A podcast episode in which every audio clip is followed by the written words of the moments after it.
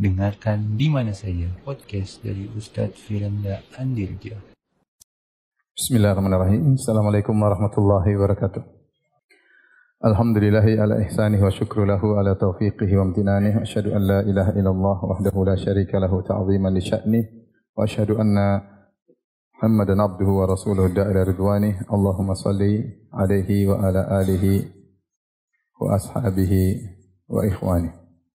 Hadirin dan hadirat yang dirahmati oleh Allah Subhanahu wa taala.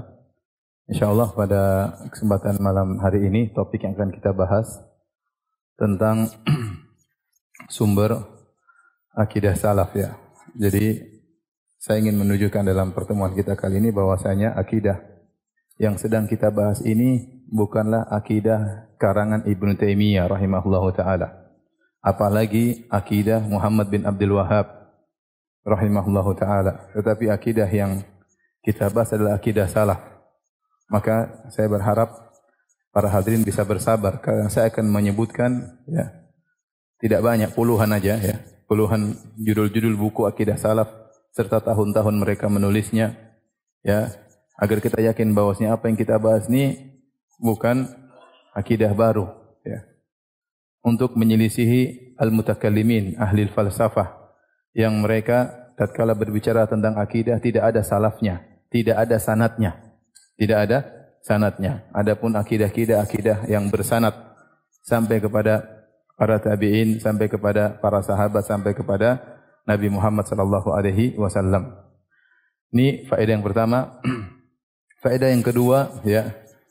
Dengan demikian kita tahu bahwasanya akidah yang kita bahas ini bukan hanya bukanlah akidahnya Ibn Taimiyah, bukannya akidah Muhammad bin Wahab, tetapi akidah para salaf dengan jumlah ulama yang sangat banyak ya para ulama salaf maka kita semakin mantap dengan akidah kita. Tidak mudah terpengaruh dengan ucapan-ucapan orang ra'yu ra'yu ya dengan akal-akal yang mereka uh, ungkapkan untuk menolak akidah Ahlus Sunnah wal Jamaah. Saya nukilkan perkataan dari uh, Al-Imam Al-Auza'i rahimahullahu taala beliau berkata fasbir nafsaka ala sunnah. Sabarkanlah dirimu di atas sunnah. Wa kif haitsu waqafal qaum hendaknya kau berhenti di mana berhentinya para salaf. Wa qul fi ma qalu. Dan ucapkanlah apa yang diucapkan oleh para salaf. Wa kufa amma kaffu anhu. Dan berhentilah engkau diamlah dari apa yang mereka berdiam darinya. Wasluk sabila salafika salih. Tempuhlah jalan salafmu yang saleh fa innahu yasauka ma wasa'ahum sungguhnya lapang bagimu apa yang lapang bagi mereka. Al Imam Al-Auza'i juga berkata ya dan beliau ini wafat pada abad kedua beliau berkata alaika bi atharin min salaf. Athari man salaf. Hendaknya engkau berpegang teguh dengan asar yaitu petuah-petuah yang diwariskan dari para salaf. Wa in rafadaka nas meskipun orang-orang menolakmu. Wa iyyaka wa ara ar-rijal dan hati-hatilah engkau dengan perkataan pendapat-pendapat orang-orang wa in zakhrafu laka bil qaul meskipun mereka menghiasi pendapat mereka dengan perkataan-perkataan. Kemudian juga Imam Ahmad berkata, usul sunnah indana. Pokok-pokok sunnah di sisi kami atamassuku bima kana alaihi ashabu Rasulillah sallallahu alaihi wasallam. Berpegang teguh dengan apa yang dulu di atasnya para sahabat Rasulullah sallam wal iktida'u bihim dan meneladani mereka. Oleh karenanya Syekhul Islam Ibnu Taimiyah berkata, "Fa'ulima anna syi'ara anna syi'aru ahli bidah huwa tarkun tihali tibai salaf. Maka dengan demikian diketahui bahwasanya slogannya ahlul bid'ah adalah meninggalkan meninggalkan mengikuti manhaj salaf. Paham? Slogannya ahlul bid'ah, syiar mereka adalah meninggalkan manhaj apa? Salaf. Oleh karenanya saya sudah sebutkan pada pertemuan di awal pertemuan, manhaj salaf adalah nama yang mulia. Tidak semua orang berani mengucapkan kita di atas manhaj salaf karena ada konsekuensinya. Bahwasanya akidahmu harus berada di atas akidah salaf. Kalau kau bilang kau berakidah salaf, mana salafmu? Maka mereka tidak akan bisa menyebutkan ahlul bidah. Mereka semua sepakat untuk meninggalkan manhaj salaf dalam berakidah. Tapi mereka kembali kepada pemikiran filsafat. Nah, kita akan menukil. Saya sebutkan, ini saya buat beberapa sedikit contoh. Tapi sebenarnya buku tentang akidah salaf sangat banyak. Bukan Ibn Taimiyah, bukan Muhammad Ibn Wahab. Ibn Taimiyah hanya nukil dari mereka. Ibn Taimiyah hanya nukil dari dari mereka ya agar kita tahu bahwasanya akidah yang kita perjuangkan ini bukan akidahnya Ibn Taimiyah bukan karangan Muhammad bin Wahab bukan akidah Wahabi bukan akidah salaf yang kedua kita semakin tenang dengan akidah kita, jangan terpengaruh dengan pemikiran-pemikiran. Bisa saja Anda kalah berdebat, logika dia lebih kuat, ya. Dia pakai logika-logika, ya tidak semua orang pandai berlogika. Kemudian Anda wah, tapi ingat itu bukan manhaj salah. Jangan terpedaya dengan perkataan mereka meskipun mereka menghiasi perkataan mereka. Yang ketiga Anda akan tahu bahwasanya kalau antum Anda baca buku-buku akidah salaf, tahu akidah salaf sangat mudah. Sangat mudah dipahami. Sebagaimana sudah kita jelaskan, sangat mudah dan uh, sesuai dengan fitrah manusia. Tidak sulit-sulit seperti yang dipelajari oleh akidah-akidah al-mutakallimin, yaitu orang-orang Jahmiyah, Mu'tazilah, Asy'ariyah dan Maturidiyah. Akidah mereka rumit dan ruwet. Apakah Allah menurunkan akidah seperti itu kepada orang awam? Ya. Oleh karenanya ini yang ingin saya bahas pada malam hari ini, ya. Kita bacakan terlebih dahulu perkataan Ibn Taimiyah rahimahullah taala dalam Aqidah Al-Wasithiyah. Beliau berkata, setelah kita sebutkan pada matan terdahulu ya di mana Ibnu Taimiyah mengatakan wa minal imani di antara iman billah kepada Allah al imanu bima wasafa bihi nafsuhu fi kitabih beriman kepada Allah dengan apa yang beliau yang Allah sifatkan tentang dirinya dalam Al-Qur'an. Wa wasafahu bihi rasuluhu. Dan apa yang telah disifatkan rasulnya tentang Allah Muhammad sallallahu alaihi wasallam dalam hadis-hadisnya min ghairi tahrifin wala ta'til. Tanpa mentahrif tanpa menta'til. Wa min ghairi takyifin wala tamthil. Tanpa mentakyif dan tanpa mentamsil ini sudah kita jelaskan semuanya ya. Kita sudah jelaskan. Tanpa mentahrif maksudnya tanpa mentakwil maknanya tanpa mentaktil tanpa menolak maknanya tanpa mentakyif tanpa membagaimanakannya bagaimana ini bagaimana istiwanya Allah bagaimana tangannya Allah enggak boleh. Wala tamsil apalagi menyamakan dengan tangan uh, sifat-sifat makhluk. Bal yu'ni bal yu'minuna bi anna Allah subhanahu laisa kamitslihi syai' wa huwa samiul basir. Bahkan mereka beriman yaitu firqatun najiyah ya golongan yang selamat mereka beriman bahwasanya Allah laisa kamitslihi syai' wa huwa samiul basir. Bahwasanya Allah tidak ada yang serupa dengannya dan dia Maha mendengar lagi Maha melihat. Subhanallah. Firman Allah ini laisa kamitslihi syai' membantah Mu'attilah dan membantah Mumatsilah ya. Kata Allah laisa kamitslihi syai' wa huwa as-sami'ul basir. Tidak ada yang serupa dengannya. Serupa dengannya dan dia maha dan Allah maha mendengar lagi maha melihat. Potongan ini menunjukkan Allah bersifat. Allah memiliki sifat mendengar dan melihat. Dan ini bantahan terhadap mu'atilah, bantahan pada penolak sifat. Terhadap penolak sifat. Sementara yang ini ya bahwasanya Allah tidak sama. Tidak sama dengan makhluk. Ini bantahan terhadap bantahan terhadap mumatsilah, terhadap mumatsilah yang menyamakan, mumatsilah yang menyamakan Allah dengan makhluk. Allah sebutkan wa huwa samiul basir dan sifat mendengar dan melihat ini banyak. Hampir semua makhluk ada mendengar dan melihat. Ya tidak? Kita manusia melihat mendengar atau tidak? Iya. Lalat melihat mendengar atau tidak? Gajah melihat mendengar atau tidak? Semut melihat mendengar atau tidak? Mendengar. Lebah mendengar dan melihat. Subhanallah, kita saja makhluk berbagai macam mendengar dan melihat. Ya. Allah juga mendengar dan melihat. Berarti biar antum berfikir bahwasanya mendengar dan melihatnya Allah tidak sama dengan apa? Makhluk. Makanya Allah kasih mukadimah. Sebelum Allah menetapkan sifat mendengar dan melihat yang ini banyak pada makhluk, Allah kasih mukadimah dulu, pondasi. Ingat tidak ada yang serupa dengan apa?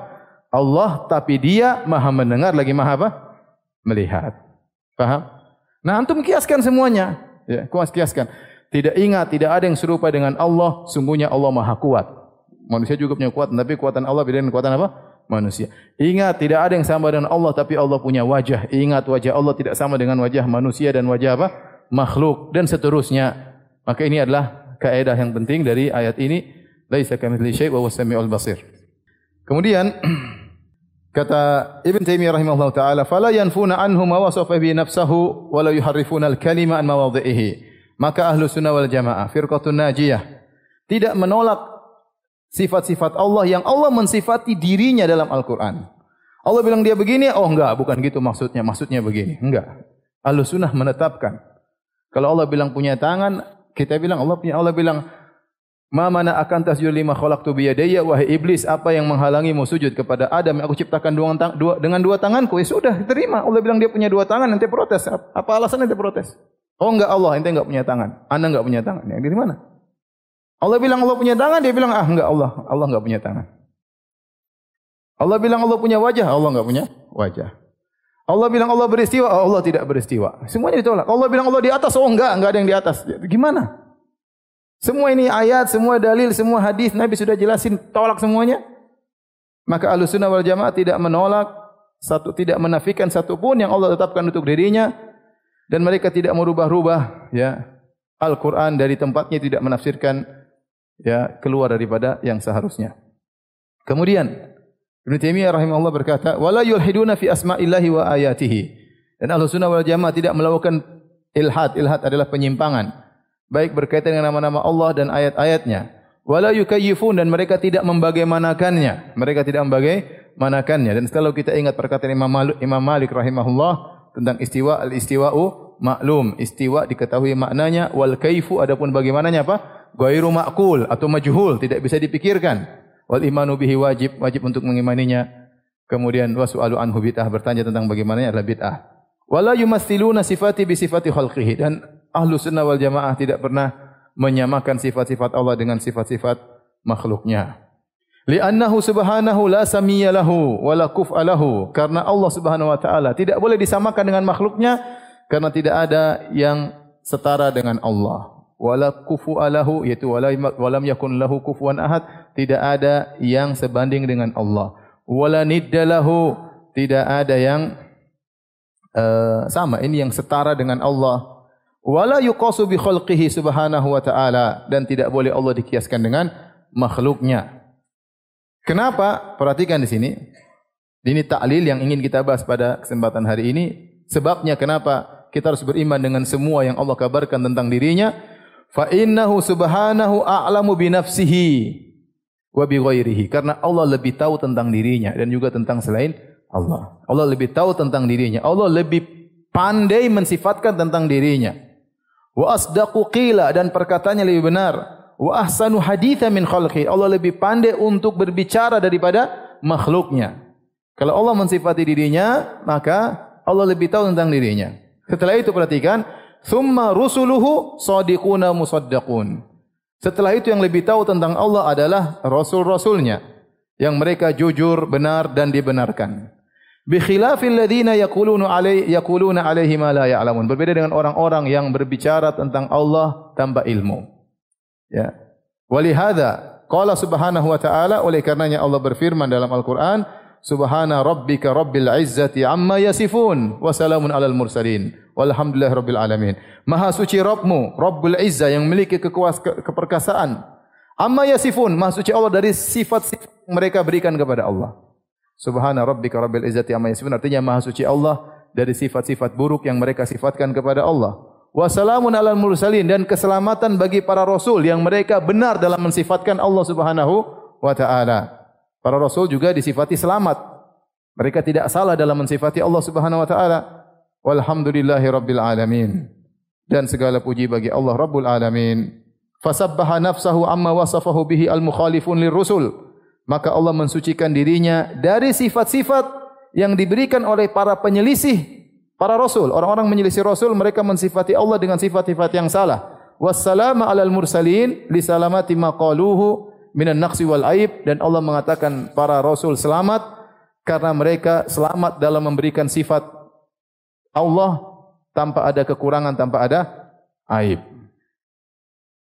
Taib. Ini yang kita bahas bahwasanya yang lebih tahu tentang Allah adalah siapa? Dirinya sendiri. Kemudian setelah itu yang lebih tahu tentang Allah adalah para para rasulnya.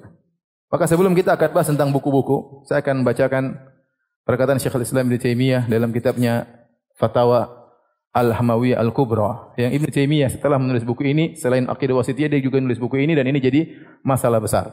Ya. Karena Ibn Taimiyah rahimahullah ta'ala, beliau hidup di zaman ya, abad ke-8 yang di situ semuanya orang berpemahaman asyairah. Bahkan qadhi-qadhinya juga berpemahaman apa? Asy'ariyah. Tapi beliau rahimahullah dengan akhlak yang mulia, beliau tetap menulis buku menjelaskan akidah salaf yang benar.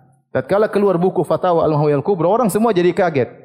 Karena tidak ada yang nulis seperti itu. Tiba-tiba dia nulis dan dia nukilkan dan dia katakan ini akidah salaf, ini akidah yang diperjuangkan oleh para sahabat. Suatu yang baru bagi mereka. Sehingga akhirnya orang-orang datang, kemudian dia dilaporkan kepada qadhi, kemudian diperdebatkan rame dan dia disuruh jelaskan bukunya tersebut sampai akhirnya seorang qadhi dari madhab syafi'i berkata, barang siapa yang masih ngata-ngatain Ibn Taimiyah, Ibn maka dia ditakzir. Dia ditakzir. Ada kisahnya disebutkan oleh Ibn Abdul Hadi rahimahullah tentang kisah Fatwa Al-Hamawiyah Al-Kubra, tapi saya ingin baca mukaddimahnya yang bagus agar kita terbuka wawasan kita. Beliau berkata, ya, waktu beliau ditanya, wahai bagaimana pendapat anda tentang ayat-ayat sifat seperti Ar-Rahmanul Al-Arsh Istawa, Thumma Istawa ila Samai wa Dukhan, dan ayat-ayat tentang sifat dan hadis-hadis tentang sifat. Apa jawaban beliau? Alhamdulillah Rabbil Alamin qawluna fiha segala puji bagi Allah pendapat kami tentang ayat-ayat sifat. Ma qalahu Allah wa rasul wa sabiqun al awwalun minal muhajirin wal ansar wal ladzina tabauhum bi ihsan. Pendapat kami tentang sifat-sifat tersebut ayat-ayat sifat dan hadis-hadis sifat adalah apa yang diucapkan oleh Allah dan rasulnya. Dan ini pendapat as-sabiqun al awwalun dari kalangan muhajirin kaum ansar dan yang mengikuti mereka dengan baik. Wa ma qalahu a'immatul huda. Ini yang ingin saya sebutkan karena di sini semua nukilan dari a'immatul huda para imam-imam al-hadis dan ini juga akidahnya para imam-imam Islam. Ba'da haula'i alladziina ajma'al muslimun ala hidayatihim wa dirayatihim. Yaitu para imam-imam sunnah setelah para salaf setelah para sahabat yang kaum muslimin sepakat bahwasanya mereka adalah imam dalam hidayah dalam petunjuk mereka dan mereka ahli hadis. Ya tentang ilmu diakui. Wa hadha huwal wajib ala jamil khalqi fi hadzal bab. Dan ini yang wajib bagi semua orang dalam masalah ini dan juga bab-bab yang lain itu mengikuti manhaj salaf. Perhatikan, fa inna Allah ba'atha Muhammadan bil huda wa dinil haq liyukhrijan nasa minadh dhulumati illa nur bi idzni rabbihim ila siratil azizil hamid. Karena apa? Karena Allah telah mengutus Muhammad dengan petunjuk sallallahu alaihi wasallam dan agama yang benar untuk mengeluarkan manusia dari kegelapan menuju cahaya dengan izin Rabb mereka menuju jalan yang lurus. Dan Allah mempersaksikan bahwasanya Allah mengutus Nabi Muhammad sallallahu alaihi wasallam sebagai dai dengan izin Allah Subhanahu wa taala sirajan munira sebagai lampu dan cahaya yang menerangi. Dan Allah menyuruh Muhammad untuk berkata kul hadhihi sabili ad'u ila Allah. Inilah jalanku aku menyuruh kepada Allah. Ala basiratin aku di atas ilmu. Ana wa man tabi'ani aku dan orang-orang mengikutiku semuanya di atas ilmu. Kemudian Ibnu Taimiyah mulai menggunakan logika beliau berkata فمن المهال في العقل والدين أن يكون سراج المنير الذي أخرج الله به الناس من الظلمات إلى النور وأنزل مع أهل الكتاب بالحق ليحكم بين الناس فيما اختلفوا فيه وأمر الناس أن يردوا ما تنازعوا فيه من دينهم إلى ما بعث به من الكتاب والحكمة وهو يدعو إلى الله وإلى سبيله بإذن على بصيرة وقد أخبروا أنه أكمل له ولأمته دينهم وأتم عليهم نعمته مهال مع هذا غيره أن يكون قد ترك باب الإيمان بالله والعلم به ملتبسا مشتبها. Beliau berkata, tidak masuk akal.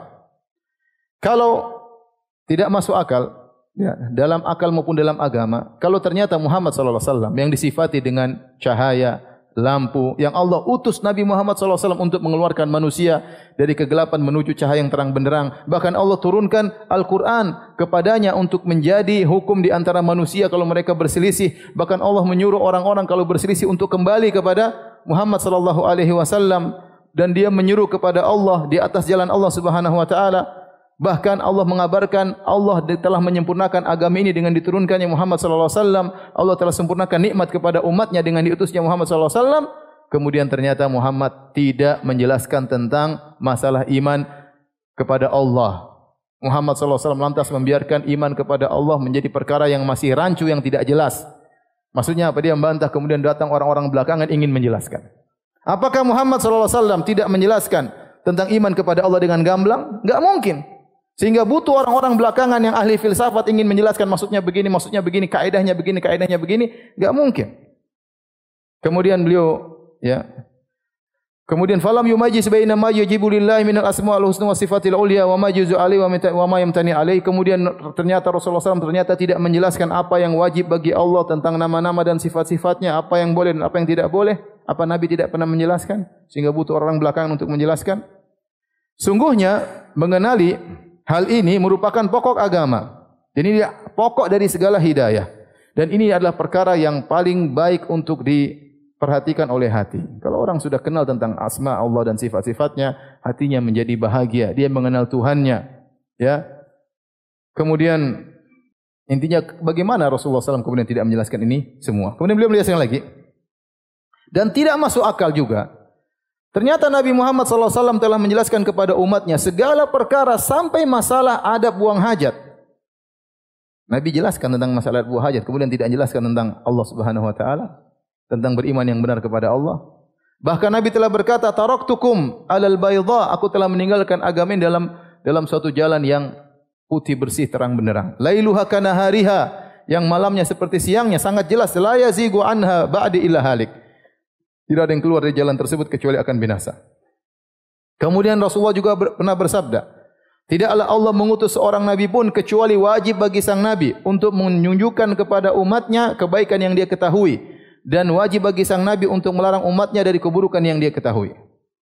Kemudian juga ya dia sebutkan dalil-dalil, kemudian beliau berkata ya maka tidak masuk akal kalau nabi menjelaskan ini seluruhnya ya perkara-perkara yang detail ya. dan kita tahu dalam masalah agama banyak perkara detail Rasulullah SAW jelaskan adab ini, adab anu, adab ini, ada hukum ini, hukum ini, hukum cerai, masalah kawin, masalah utang, mas banyak masalah riba, semua jelas.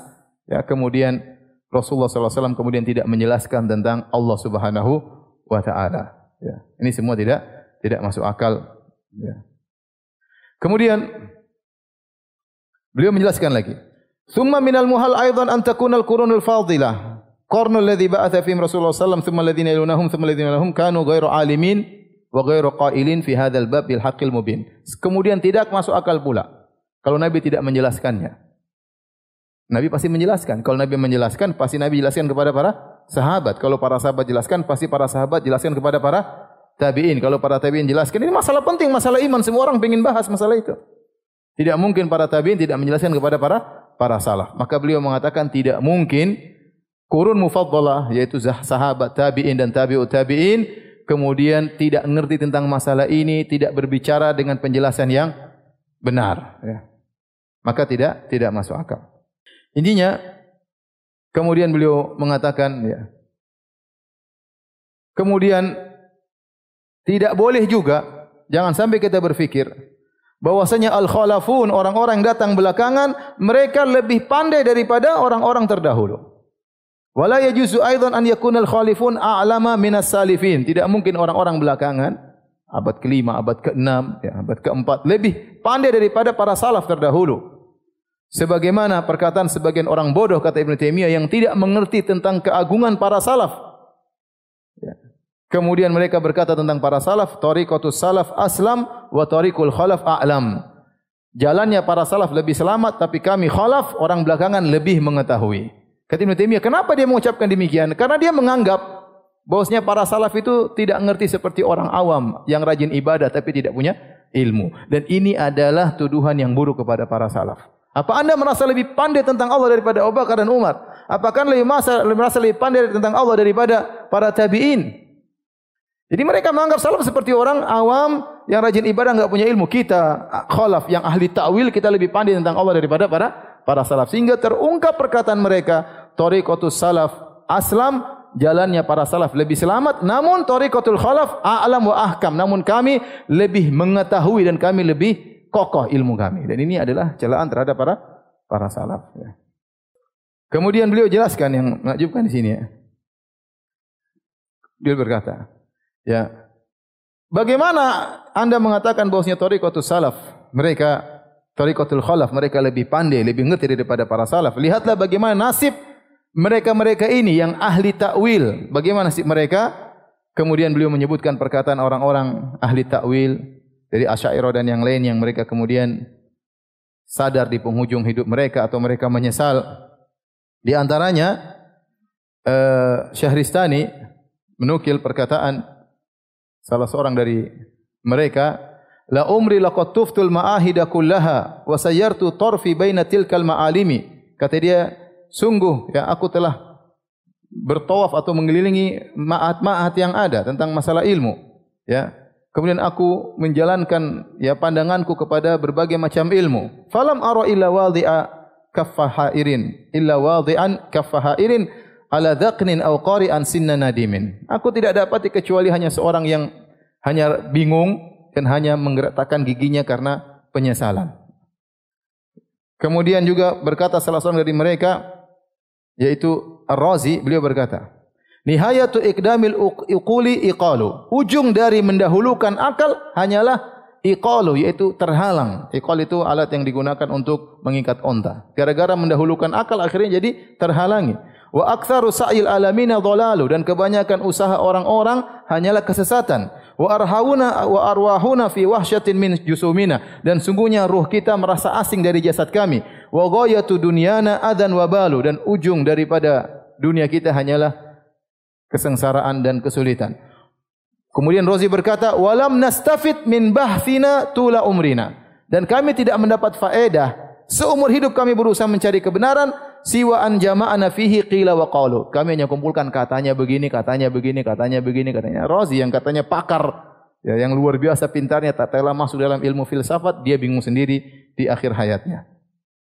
Kemudian beliau berkata juga Razi, laqad ta'ammaltu turuqal kalamiyah. Sungguh aku telah memperhatikan cara-cara filsafat wal manahij al falsafiyah dan aku telah mengikuti manhaj-manhaj falsafah fama ra'aituha tasfi alilan wala tarwi qalilan aku mendapati ternyata manhaj mereka tidak bisa menyembuhkan penyakit dan tidak bisa menghilangkan dahaga. Wa ra'aitu aqrabat turuqi tariqatul qur'an dan aku dapati tempat jalan yang terbaik adalah jalannya Al-Qur'an. Aqra'u fil itsbat aku baca dalam itsbat ar-rahman wal arsy selesai. Ilahi yas'adul kalimut thayyibu kepadanya naik kalimat kata-kata yang baik. Wa aqra fi nafi adapun masalah nafi aku baca laisa kamitslihi syai' wa huwa samiul basir Wa man jarraba mithla tajribati arafta mithla ma'rifati. Barang siapa yang mencoba apa yang telah aku coba dia akan tahu bagaimana pengetahuanku. Yaitu percuma ke sana kemari filsafat-filsafat semuanya ngaco. Tidak jelas. Kemudian juga berkata Imam Haramain Al-Juwaini tadi Razi sekarang Al-Juwaini ini tokoh-tokoh mereka. Laqad khuttul bahral khidam wa taraktu ahlal Islam wa ulumahum. Sungguh aku telah masuk dalam lautan yang luas itu lautan filsafat. Dan aku meninggalkan orang-orang Islam dan ilmu mereka. Ilmu Islam aku tidak baca. Yang aku baca ilmu apa? Filsafat tentang ketuhanan. Wa khudtu fil ladzi nahauni anhu dan aku masuk dalam ilmu yang mereka larang aku untuk masuk ke dalamnya. Wal ana illam yatadarakni rabbi bi rahmatin minhu fal wailu li fulan wa ha ana dza amutu al aqidati ummi. Kalau sekarang Allah tidak memberikan rahmat kepadaku, maka celaka bagi si fulan. Sekarang aku ingin meninggal di atas akidah ibuku. Tidak perlu belajar filsafat-filsafat akidah ibuku maksudnya akidah apa? Orang awam yang sesuai dengan apa? Fitrah. Wa yaqulul akhar minhum dan ada yang berkata di antara mereka juga dari ahlul mutakallimin ya. Aksarun nasi syakkan indal mauti ashabul kalam. Orang yang paling banyak-banyak terkena keraguan tatkala mau meninggal adalah ahlul filsafat. Karena semua ilmu dia tidak ada yang pasti. Semuanya apa? Meragukan. Karena semua sekedar logika-logika ya. Berkata Syamsuddin Al-Khasr apa ini? Al-Khasr Syahi dan dia adalah murid dari Rozi. Ya, dia berkata kepada salah seorang yang tak bertemu dengan dia. Maka muridnya Rozi ini berkata, "Ma ta'taqiduhu?" Apa yang kau yakini? Maka orang ini berkata, "Ma ya'taqidul muslimun?" Akidahku sebagaimana orang-orang kaum muslimin meyakininya. Wa anta munsyarihu sadri lidzalika mustaqinun bihi? Engkau meyakini apa yang diyakini orang-orang awam dan kau lapang dadamu yakin? Qala na'am, ya saya yakin. Kata dia, "Ushkurullah ala hadhihi ni'mah." Kau harus bersyukur dengan nikmat ini. Kau bisa apa? Yakin. Lakinni wallahi ma adri ma atakidu. Adapun saya saya bingung, saya tidak tahu apa yang apa saya yakini. Wallahi ma adri ma atakidu. Saya tidak tahu apa yang saya yakini. Sampai dia ulang-ulang wa baka hatta akhdhala lihyatahu. Beliau pun menangis sampai jenggotnya berdipenuhi dengan air mata. Kemudian di antara mereka ada yang berkata, "At-taju ala firashi, aku tidur di atas tempat tidurku." Wa adha'ul malhafah ala wajhi aku tutup selimut di atas wajahku. Uqabilu baina hujaji haula wa hujaji ula hatta yatul al-fajr. Aku bandingkan orang ini pendapat kimin aku diperdebatkan dalil mereka sampai subuh. Walam yatarajjah indi min hasyai dan aku tidak tahu mana yang benar di antara mereka. Kasihan. Sampai ada ada yang berkata kepada seorang awam, "Wahai fulan, tahukah engkau?" Dia datang ke orang, "Tahukah saya punya seribu dalil tentang adanya Tuhan?" Kata orang awam ini, karena kau ada seribu keraguan. Kalau saya tidak butuh seribu dalil. Tuhan ada fitrah. Faham? Saya punya seribu dalil untuk menunjukkan Tuhan ada. Kata orang awam ini, karena kau punya laula alfa syakin. Kalau bukan karena ada seribu keraguan dalam dirimu, maka kau tidak perlu seribu dalil. Taib. Ya. Inilah penghujung dari mereka ahlul kalam. Ya. Mereka hanyalah ditimpa dengan keraguan dan kebimbangan. Ya. Bagaimana orang-orang ini dikatakan lebih pandai daripada para salaf. Ini adalah perkataan orang-orang bodoh kata Syekhul Islam Ibn Taimiyah rahimahullahu taala. Ya. Baik, sekarang kita akan bahas pada pembahasan inti. Ya, intinya saya ingin menjelaskan bahwasanya akidah salaf diambil dari para salaf, ada adapun akidah ahlul bidah diambil dari orang-orang ahli filsafat Yunani dan yang lain-lainnya. Baik ya.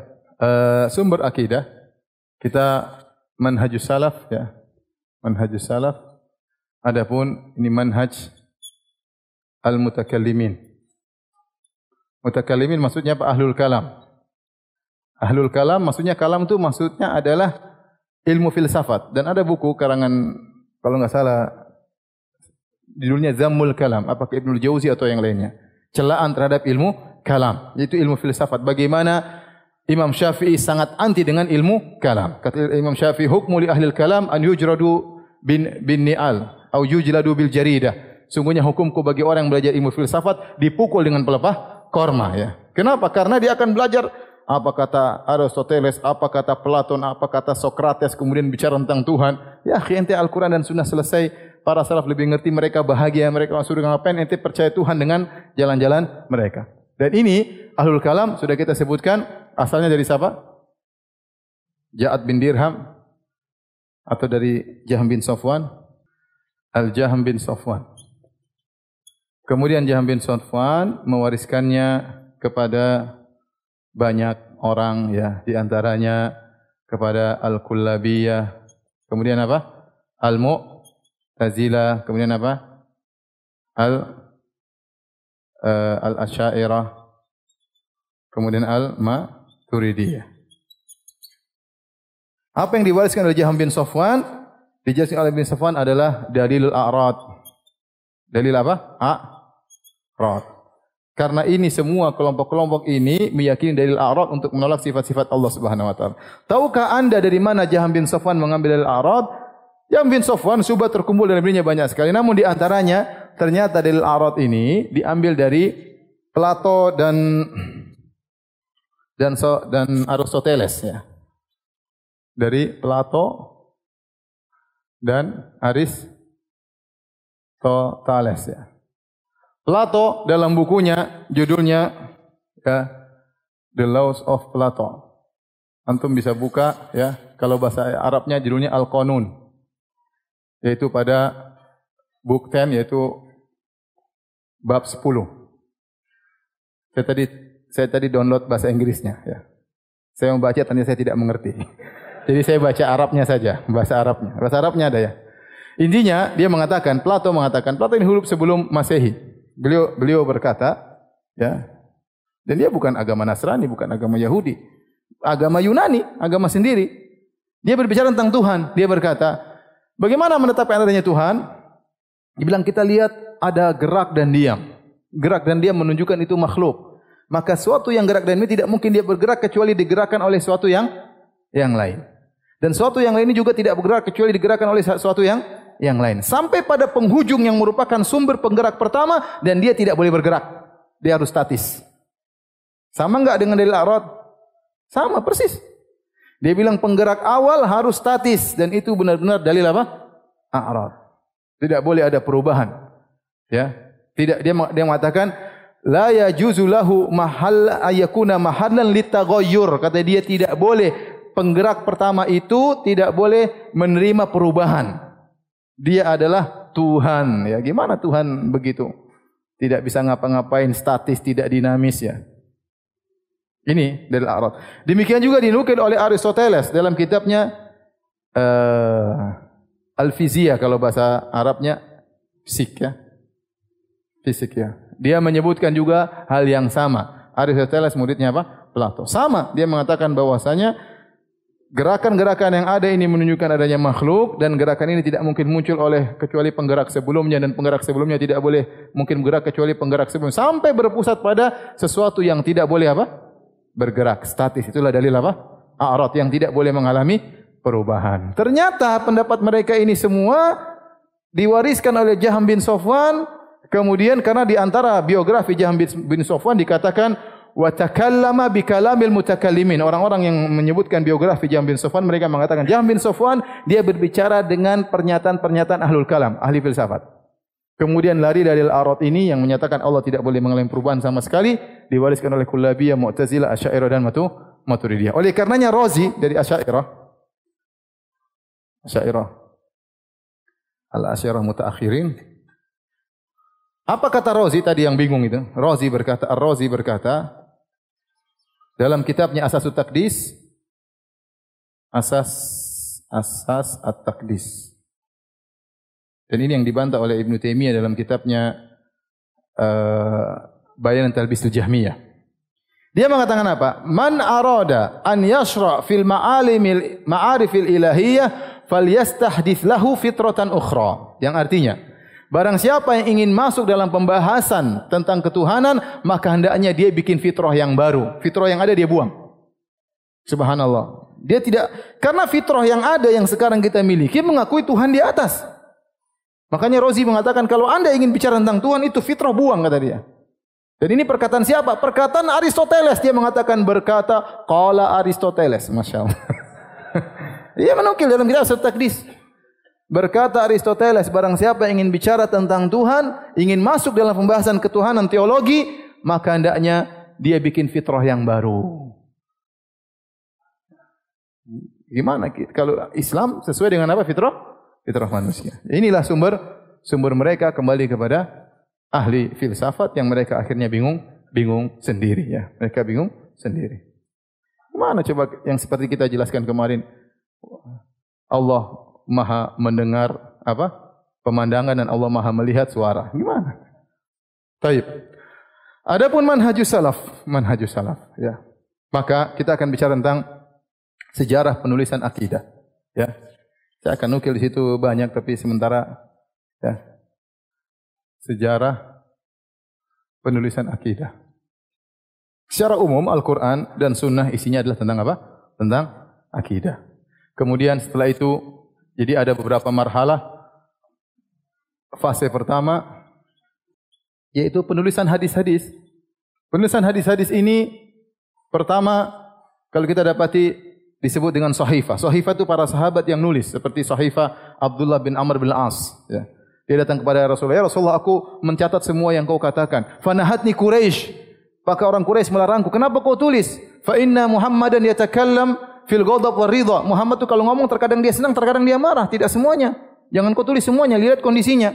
Maka aku katakan kepada Nabi SAW, kata Nabi, Uktub walladhi ba'athani bil haq, ma yakhruju minhu ilal haq. Tulis semua yang aku katakan. Tidak ada yang keluar dari mulut kecuali apa? Kebenaran. Jadi dia nulis. Ada lagi sahifat Abu Hurairah. Abu Hurairah juga apa? Nulis. Ada sahifat Ali bin Abi Talib. Ali bin Abi Talib juga nulis. Ya, dulu sebelum jadi buku-buku hadis, berupa apa? Sahifah-sahifah. Sahifah-sahifah para sahabat. Ini yang pertama. Dan ini sudah berjalan di sejak zaman Rasulullah sallallahu alaihi wasallam. Ini di zaman Nabi. Di zaman Nabi. Memang Nabi sallallahu alaihi wasallam pernah berkata, "La taktubu anni ghairal Qur'an, wa man kataba anni ghairal Qur'an falyamhu." Jangan kalian menulis dariku selain Al-Qur'an. Siapa yang tulis selain Al-Qur'an maka hapuskan. Maka kata para ulama ini ada hadis Abu Sa'id Al-Khudri dalam Sahih Muslim, Rasulullah pernah melarang menulis selain Al-Qur'an maka dijelaskan oleh para ulama maksudnya tidak boleh menulis Al-Quran dengan hadis di sampingnya. Jangan ente tulis Al-Quran terus sampingnya nulis hadis karena nanti tercampur antara Al-Quran dan apa? Hadis. Tetapi banyak hadis menunjukkan para sahabat nulis dan Nabi juga nulis. Seperti Nabi berkata, "Uktubu li Abi Syah." Ada Abu Syah berkata, "Ya Rasulullah, aku lupa." Kata Nabi, "Tuliskan buat Abu Syah apa yang aku ucapkan." Dan para sahabat menulis. Ya, kata uh, kata Abu Hurairah tidak ada orang yang meriwayatkan hadis ya seperti seperti Abdullah bin Amr Abdullah bin Amr As. Kenapa? Karena dia nulis aku tidak nulis. Berarti Abdullah bin Amr sama nulis, banyak nulis. Kemudian setelah itu fase kedua ya, lebih teratur benar-benar ditulis dalam sebuah buku, dikumpulkan dalam sebuah buku, dikumpulkan dalam sebuah buku, sebuah catatan khusus. Dan ini ya, di zaman di zamannya Umar bin Abdul Aziz rahimahullahu taala yang beliau wafat pada tahun 101 Hijriah. 101 101 Hijriah ya. Kemudian dilakukan oleh Al-Imam Ibn Shihab Az-Zuhri, seorang tabi'in. Kemudian dia pun mulai bersafar ke sana-sana, kemudian mengumpulkan hadis-hadis. Jadi ini di abad kedua, awal abad, akhir abad pertama, awal abad kedua. Ya. Setelah itu fase ketiga, fase ketiga penulisan hadis secara umum. Secara umum bercampur antara akidah dan yang lainnya. Bercampur antara masalah akidah dan yang lainnya. Dan ini pada abad ketiga, abad ketiga mulai ramai. Maka muncullah buku-buku hadis. Yang buku-buku hadis itu banyak modelnya ya. Buku-buku hadis ada yang namanya Al-Masanid atau Al-Musnad. Ada yang namanya Al-Mu'jam. Ada yang namanya As-Sahih atau As-Sihah. As-Sahih. Kemudian ada yang namanya Al-Jami' ada yang namanya as-sunan ya kemudian ada yang namanya al-mustakhraj ada yang namanya uh, al-mustadrak ini jenis-jenis buku hadis yang ditulis oleh para ulama mengumpulkan seluruh-seluruh apa hadis ya musnad seperti musnad Imam Ahmad sebelumnya musnad Abu Daud atau Yalisi al-mu'jam misalnya ini berdasarkan nama sahabat buku sahabat ini Abu Hurairah semua misalnya Ibnu Abbas kumpulkan hadis-hadisnya Mu'jam maksudnya berdasarkan ada Mu'jam Al-Kabir di Tabrani berdasarkan nama sahabat, adapun Mu'jam yang ini berdasarkan nama gurunya. Jadi cara pengaturannya berbeda. Adapun As-Sahih yaitu hadis-hadis yang cuma yang apa? Yang sahih seperti Sahih Bukhari, Sahih Muslim, Sahih Ibn Hibban, Sahih Ibn Khuzaimah. Nanti Al-Jami' sama dengan uh, sunan seperti Al-Jami' At-Tirmidzi atau Sunan Tirmizi ini dikumpulkan di atas Abu-Abul Fiqh, bab taharah, bab ini, bab ini, bab ini, paham? Kemudian Al-Mustakhraj, Al-Mustakhraj itu Al-Mustakhraj misalnya Al-Mustakhraj ala sahih yaitu seorang penulis buku ini dia meriwayatkan hadis-hadis dalam Sahih Bukhari. Ini hadis-hadis Bukhari misalnya hadis A, innamal a'malu binniyat. Maka dia riwayatkan tapi dia tidak lewat jalan Bukhari, dia lewat jalan lain. Nanti ketemu di gurunya siapa? Bukhari, faham? Jadi semakin menguatkan hadis-hadis sahih karena dia akan datang dari jalan lain dan biasanya ada tambahan lafal dan yang lainnya. Jadi fungsinya mustakhraj itu menguatkan sahih Bukhari dan sahih Muslim. Ada mustakhraj ala sahih Bukhari, ada mustakhraj ala sahih Muslim. Kemudian ada mustadrak. Mustadrak itu hadis-hadis sahih yang di luar sahih Bukhari dan sahih Muslim dikumpulkan oleh di antaranya Abu Abdullah Al-Hakim. Ini contoh-contoh apa? Jenis-jenis penulisan hadis. Nah, dalam buku-buku ini ada masalah-masalah akidah, namun tidak terpisahkan secara khusus. Contohnya dalam Sahih Bukhari. Contoh. Sahih Bukhari di akhir bab ada bab namanya yaitu bab Kitab Tauhid. Kitab Tauhid warad alal Jahmiyah. Ini di akhir akhir Sahih Bukhari. Imam Bukhari mengkhususkan bab tentang membantah orang-orang apa? Jahmiyah. Maka dia bawakan hadis-hadis tentang Allah di atas. Bantah orang Jahmiyah yang menolak Allah di di atas. Faham? Contohnya dalam Sunan Abi Dawud, contoh lagi dalam Sunan Abi Dawud ada bab namanya bab Ar-Rad alal Jahmiyah. Ini sudah masalah akidah, tapi masih bercampur baur dalam buku hadis. Ini fase ketiga. Kemudian fase keempat, buku-buku khusus tentang akidah. Ini ada satu lagi, ada musnad, ada namanya juz'un, juz'u. Juz'u itu khusus tentang juz'u raf'ul yadain tentang hadis-hadis tentang angkat tangan dalam salat. Juz'u qira'ah khalfal imam tentang hadis-hadis tentang baca di belakang imam. Ini jenis-jenis buku hadis ya. Jadi ini rata-rata ditulis pada abad ketiga. Rata-rata ditulis pada abad berapa? Abad ketiga ya. Kenapa kita perlu jelas ini? Karena orang-orang mustasyrikin orang-orang yang benci Islam mereka meragukan kata mereka hadis dari mana? Kok tiba-tiba muncul buku-buku ini? Kita bilang enggak ada sejarahnya. Bagaimana pengaturannya, bagaimana pengumpulannya, bagaimana Imam Bukhari bersafar subhanallah. Berapa tahun dia bersafar? Saya pernah lihat itu di apa penjelasan seorang syekh, dia bersafar sampai puluh ribu, puluh ribu, berapa puluh ribu kilometer. Ya, bersapa dari sini, dari sini terus dari Bukhara jalan, jalan, jalan, jalan, jalan sampai Madinah, sampai Mekah, kemudian balik lagi ke Masya Allah, entah berapa ribu. Saya, saya lupa, pokoknya banyak sekali, belasan ribu kilometer kalau nggak salah. Dalam rangka mencari hadis. Makanya Bukhari mengatakan, saya ketemu lebih daripada seribu guru. Jadi dia ketemu dengan banyak orang dalam rangka mencari apa? Mencari hadis. Jadi mereka mencari hadis, hadis yang tersebar dikumpulkan. Tapi buku keempat, fase khusus tentang masalah Fase keempat buku tentang akidah. Tentang akidah ini ada beberapa model ya. Ada namanya risalah. Ada namanya Alkitab. Ada namanya Al-Manzumah. Risalah maksudnya tulisan-tulisan kecil ya, seperti surat menjelaskan tentang akidah. Kitab besar ya, nanti akan kita sebutkan. Manzumah seperti bait-bait tentang akidah ahlus ahlu sunnah. Dan ini jumlahnya ratusan. Jumlahnya ratusan. Tiga ratus lebih kalau enggak salah. Mau kita sebutkan untuk ente tahu bahwasanya akidah ahlu sunnah itu terjaga. Ente coba tanya ahlul bidah mana buku-buku begini enggak ada. Bukunya langsung tahu-tahu Rozi, Juwaini, kemudian orang-orang belakangan. Mana salaf yang mengatakan demikian? Mana salaf yang berpendapat seperti kalian? Ya. Kemudian, kenapa mereka menulis kitab-kitab akidah? Ada yang menjelaskan akidah, kadang mereka membantah tulisan yang kadang mereka menjelaskan akidah mereka begini. Kadang karena mereka tertuduh akidah mereka tidak benar maka mereka jelaskan seperti Al-Muzani dalam kitabnya Syarhus Sunnah. Dia dituduh maka dia bantah dengan kitabnya Asyarus Sunnah, muridnya Imam Syafi'i. Kemudian contohnya Ibnu Jarir At-Tabari, dia punya buku Sharihus Sunnah, waktu dia dituduh sebagai Syiah maka dia bantah.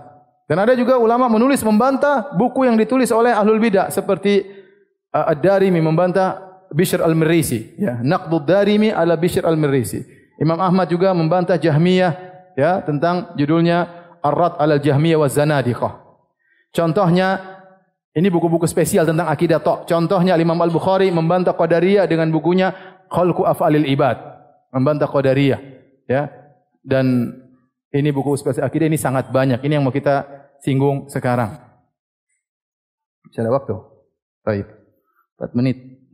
Ini buku, ya, judulnya Tarikh Tadwin fi Usuluddin tentang sejarah penulisan buku-buku akidah Ahlus Sunnah wal Jamaah. Ya. Jadi pertama ya. Kemudian ini judulnya Al-Jami' fi Aqaidir Wasail Ahli Sunnah wal Athar. Buku yang mengumpulkan tentang akidah dan risalah-risalah Ahlus Sunnah dan Ahli Hadis. Ada sekitar 60 matan akidah. Imam Auza'i, imam-imam semua di sini ada. Ada dua jilid, dua jilid. Ya, risalah-risalah kecil tentang menjelaskan akidah membantah ahlul bidah. 60 risalah, ya, dua jilid. Ini khusus manzumah tentang apa namanya bait-bait ya tentang akidah ahlu sunnah wal jamaah ya harusnya antum baca biar antum tahu akidah antum itu bukan akidahnya Ibnu Taimiyah paham Ibnu Taimiyah hanya nukil dari mereka Ibnu Taimiyah hanya nukil dari dari mereka. Jangan kita bilang ini akidah Ibnu Taimiyah. Enggak. Kita enggak pakai buku Ibnu Taimiyah. Ya. Baik. Sekarang saya bacakan buku-buku yang ada ya. Pada abad kedua dari I'tiqad Ma'mar bin Rashid yang wafat 153 Hijriah. Kemudian ada buku lagi I'tiqad Abi Amr Abdurrahman bin Amr Al-Auza'i, Al-Imam Al-Auza'i yang tadi kita nukil perkataannya wafat pada tahun 157 Hijriah, abad kedua. Kemudian i'tiqad Abi Abdullah Sufyan bin Said Al-Thawri. Akidahnya Imam Thawri wafat pada 161 apa? Hijriah. Akidahnya Imam Malik wafat 179 Hijriah. Kemudian buku-buku yang lain ya. Contohnya Usul Sunnah kitabnya Abu Bakar Al-Humaidi. Ya, wafat 219 Hijriah. Kemudian Al-Iman ya, Judulnya Abu Ubaid Al-Qasim bin Salam. Ini risalah kecil. Yang ya ini juga termasuk ulama-ulama terdahulu yang wafat pada abad ketiga. Contoh kitab Al-Iman karya Abu Bakar ibni Abi Shaybah yang punya Musannaf. Musannaf yang wafat pada tahun 235 Hijriah. Dia juga punya buku tentang iman. Karena bid'ah sudah muncul sejak awal. Maka ada yang bantah Qadariyah, ada yang bantah Murji'ah, ada yang bantah Jahmiyah. Buku mereka isinya itu. Menjelaskan akidah al-sunnah dan bantah pemikiran mereka. Contoh juga bukunya ya Al-Haidah karangan Abdul Aziz Al-Kinani wafat 240 Hijriah. Ini buku sangat bagus Ya, bukunya dicetak karena dia berdebat dengan seorang ahlul bidah di hadapan Khalifah Al-Ma'mun. Kalau dia kalah maka dia bisa dibunuh dan perdebatannya ditulis bagus. Dia ceritakan perdebatan perdebatan dia. Saya sudah baca buku ini buku yang sangat indah. Ibnu Taimiyah mengambil faedah dari buku buku buku ini. Contohnya Usulus Sunnah Al Imam Ahmad bin Hambal. Mana bukunya? Ini bukunya ya. Usulus Sunnah karya Al Imam Ahmad bin bin Hambal. Imam Ahmad bin Hambal juga punya buku judulnya Arat al Jahmiyah juga sekitar ini. Tebalnya sekitar ini. Arat al Jahmiyah wa Zanadiqah.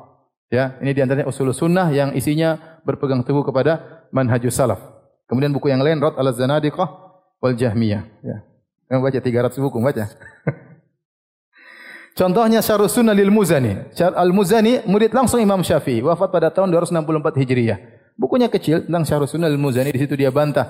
Dia bantah orang-orang yang mengatakan Al-Quran adalah makhluk, maka dia bantah. Ya, karena dia dituduh akidahnya dituduh bermasalah, maka dia jelaskan akidahnya untuk menunjukkan dia di atas akidah Ahlussunnah wal Jamaah.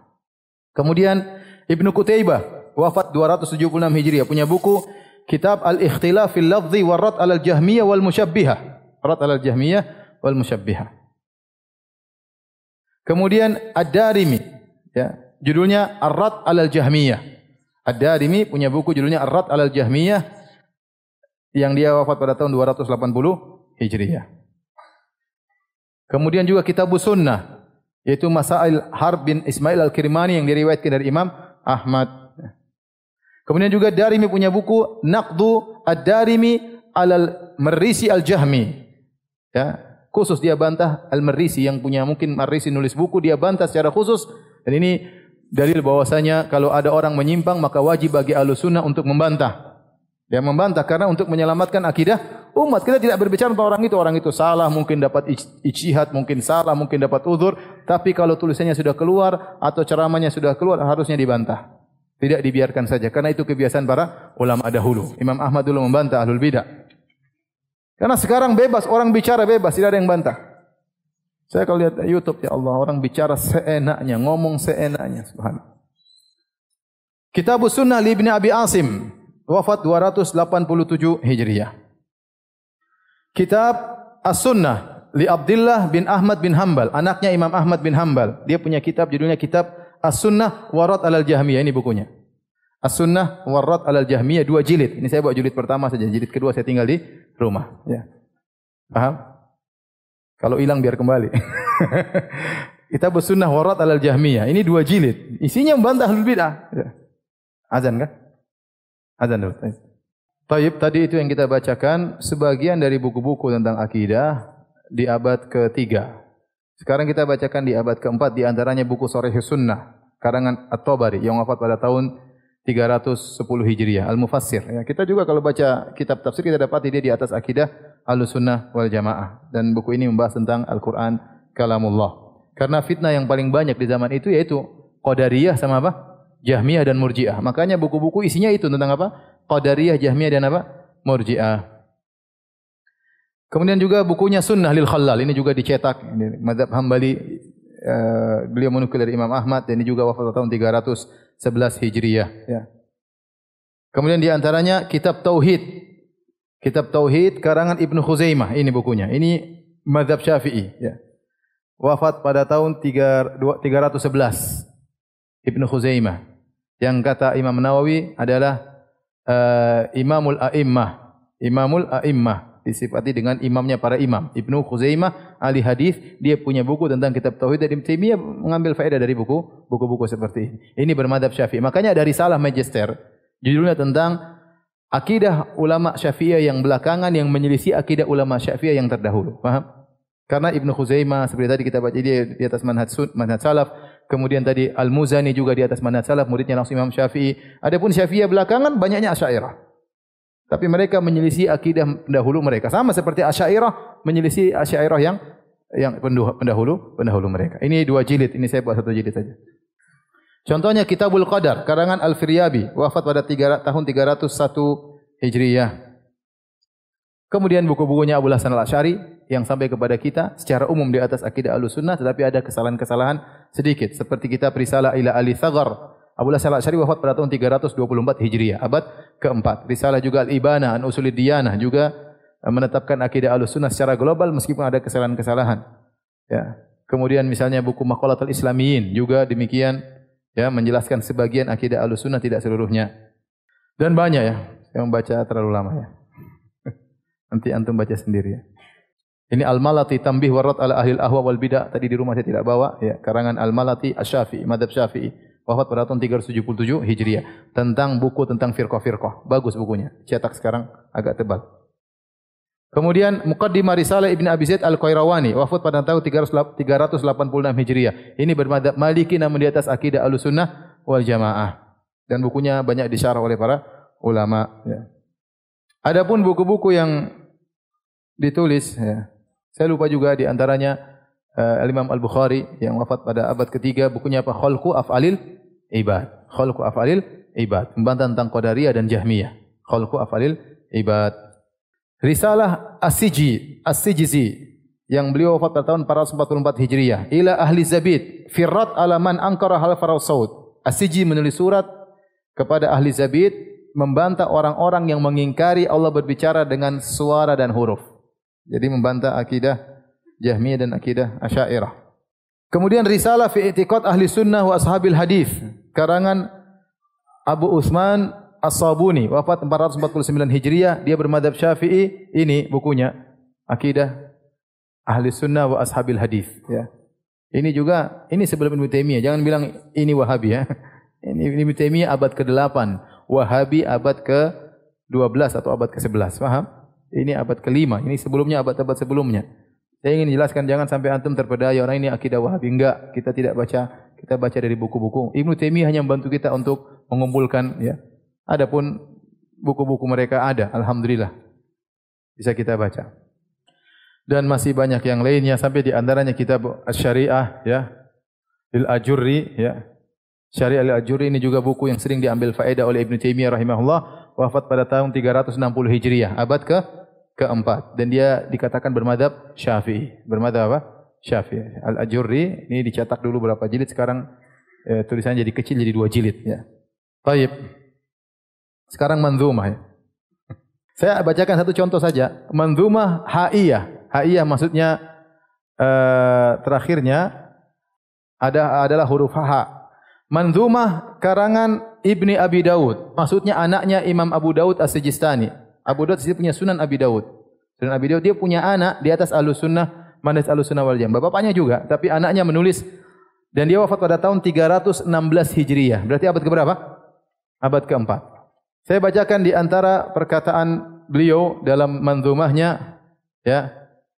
Tamassak bihablillahi wattabi'il huda wala takub bid'iyan la'allaka tuflihu. Berpeganglah dengan tali Allah dan ikuti petunjuk. Jangan kau jadi ahlul bid'ah, semoga kau beruntung. Wa din bi kitabillahi wa sunanil lati. Beragamalah dengan Al-Qur'an dan sunnah-sunnah hadis. Jangan pakai Aristoteles dan Plato ya. Agama dengan Al-Qur'an dan apa? Hadis. Atat an Rasulillah tanju wa tarbahu yang datang dari Rasulullah sunnah-sunnah tersebut kau akan selamat dan kau akan beruntung.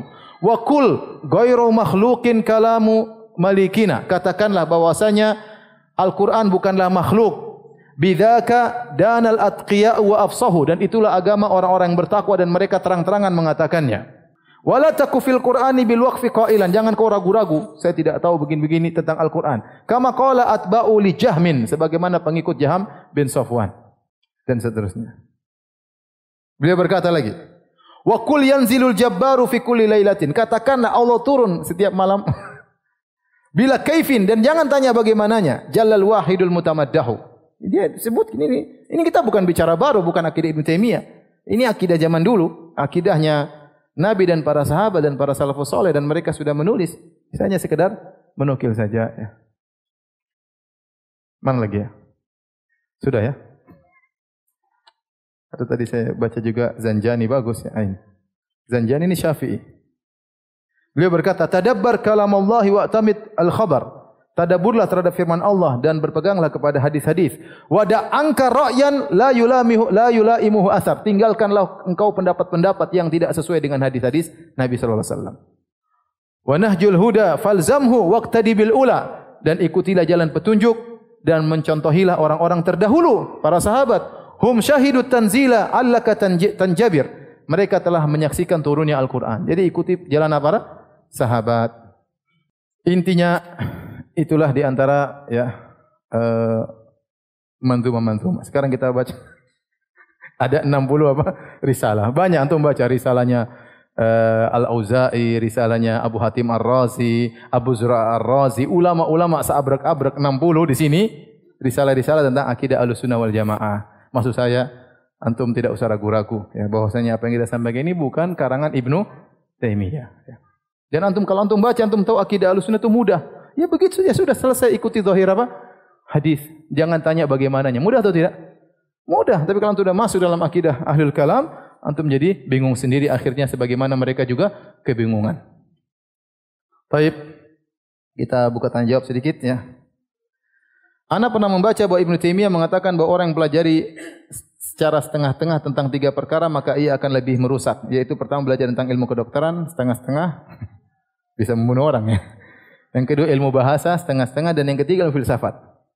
Apakah ini maksud ilmu filsafat di sini? Ustaz, apakah boleh, boleh belajar ilmu filsafat? Saya tidak tahu perkataan Ibnu Taimiyah seperti ini. Tetapi orang boleh belajar filsafat kalau dia ingin tahu untuk membantah.